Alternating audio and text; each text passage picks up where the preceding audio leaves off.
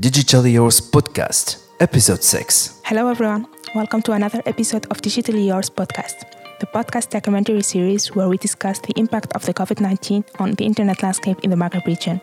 In this episode, we gathered for you testimonies from citizens from the Maghreb. We spoke to journalists, business owners, policy experts, students, and civil society activists. They gave us a snippet on their internet use when the COVID 19 hit. Well, these people may be privileged to continue studying and working online. Many others found themselves disconnected. We are trying to shed a light on their challenges as well. Together, we will try to find answers to how internet users' behavior changed online during the pandemic, what were the challenges they faced. Another question would be what is hindering better internet connectivity in the region? Stay tuned to know more. When countries in the Maghreb started recording an increasing number of COVID 19 infections, authorities started forcing mobility restrictions going from curfews to lockdowns. For example, we recall the Moroccan authorities first decreeing the lockdown measures on the 20th of March. As the countries are facing the second wave of the spread of the virus since August, governments continue to go back and forth between enforcing and lifting these measures. We suffered a lot during the first month as I had to close my business. But then I adapted to the situation and went online. I used Google services to optimize my online presence for my software and computer reparation business. J'ai lancé ma business sur j'ai choisi la plateforme Google pour euh, pour optimiser ma, mon site web et, ma, et mon travail parce que je, je, je fais tout ce qui est Euh, réparation et maintenance des, des softwares, des, des ordinateurs. This was Rabia, a local business owner from Algeria. He told us how the pandemic's impact was so devastating in the beginning, but also how the internet allowed him to provide his services to his clients. This was the case for many business owners, but also for many employees who shifted to remote work through the internet. According to a survey conducted by the job portal ReKrute on the working conditions of executives during the lockdown in Morocco, 50% of companies have put more than 80% of their employees on telework.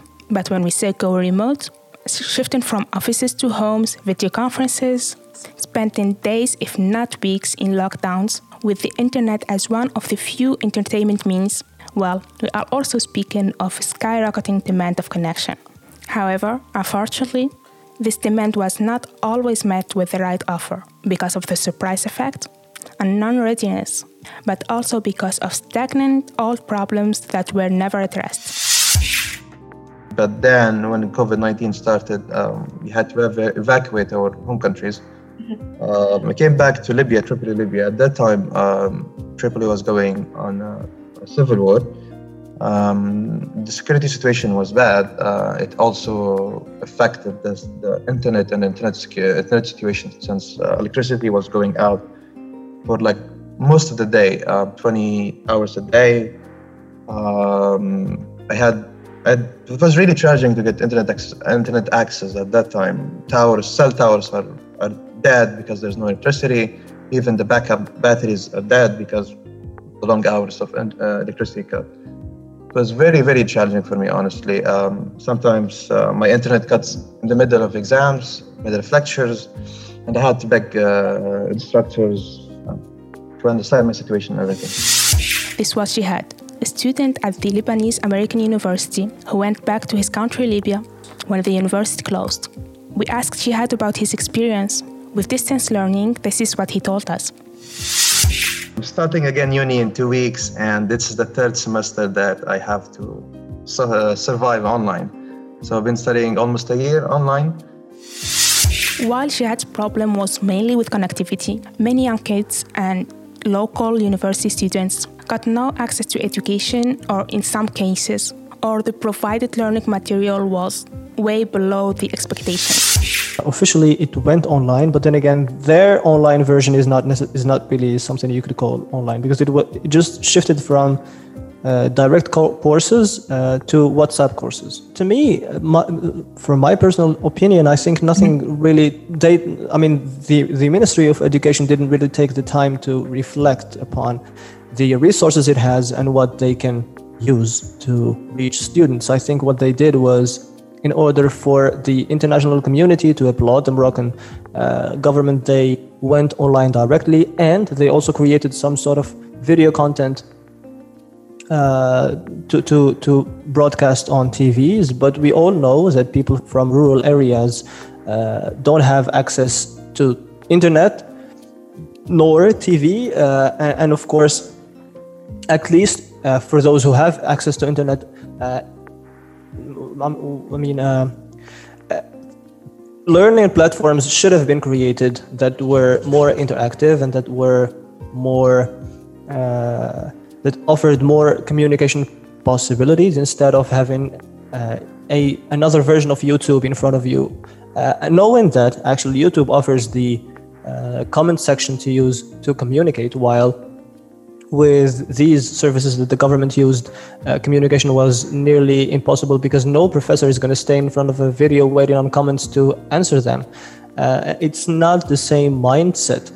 What I could applaud though is there's this digital school in Morocco. It's called 1337, uh, uh, and they have students that took from their time and volunteered to help the government to create better websites uh, to host them in better services and to manage the websites because the very first uh, platforms the government created were uh, I don't know uh, the proper word to use, but very bad, uh, so that I don't use other words.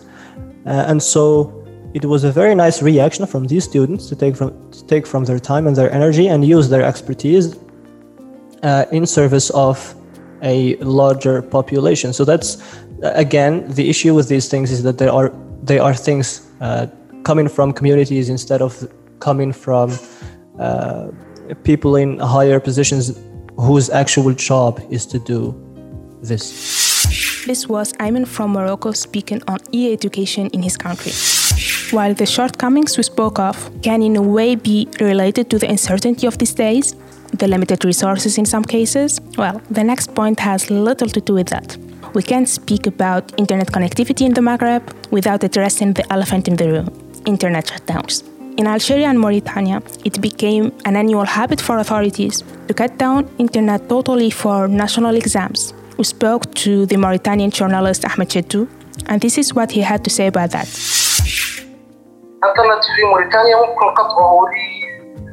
بأي سبب تراها السلطة.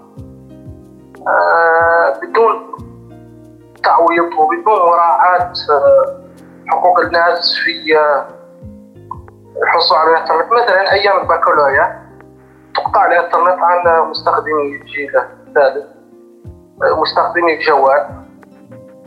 والسبب المرفوع هو منع الغش. وهنا لدينا الحق أن نتساءل. ما هو ذنب المواطن الذي يدفع خدمة.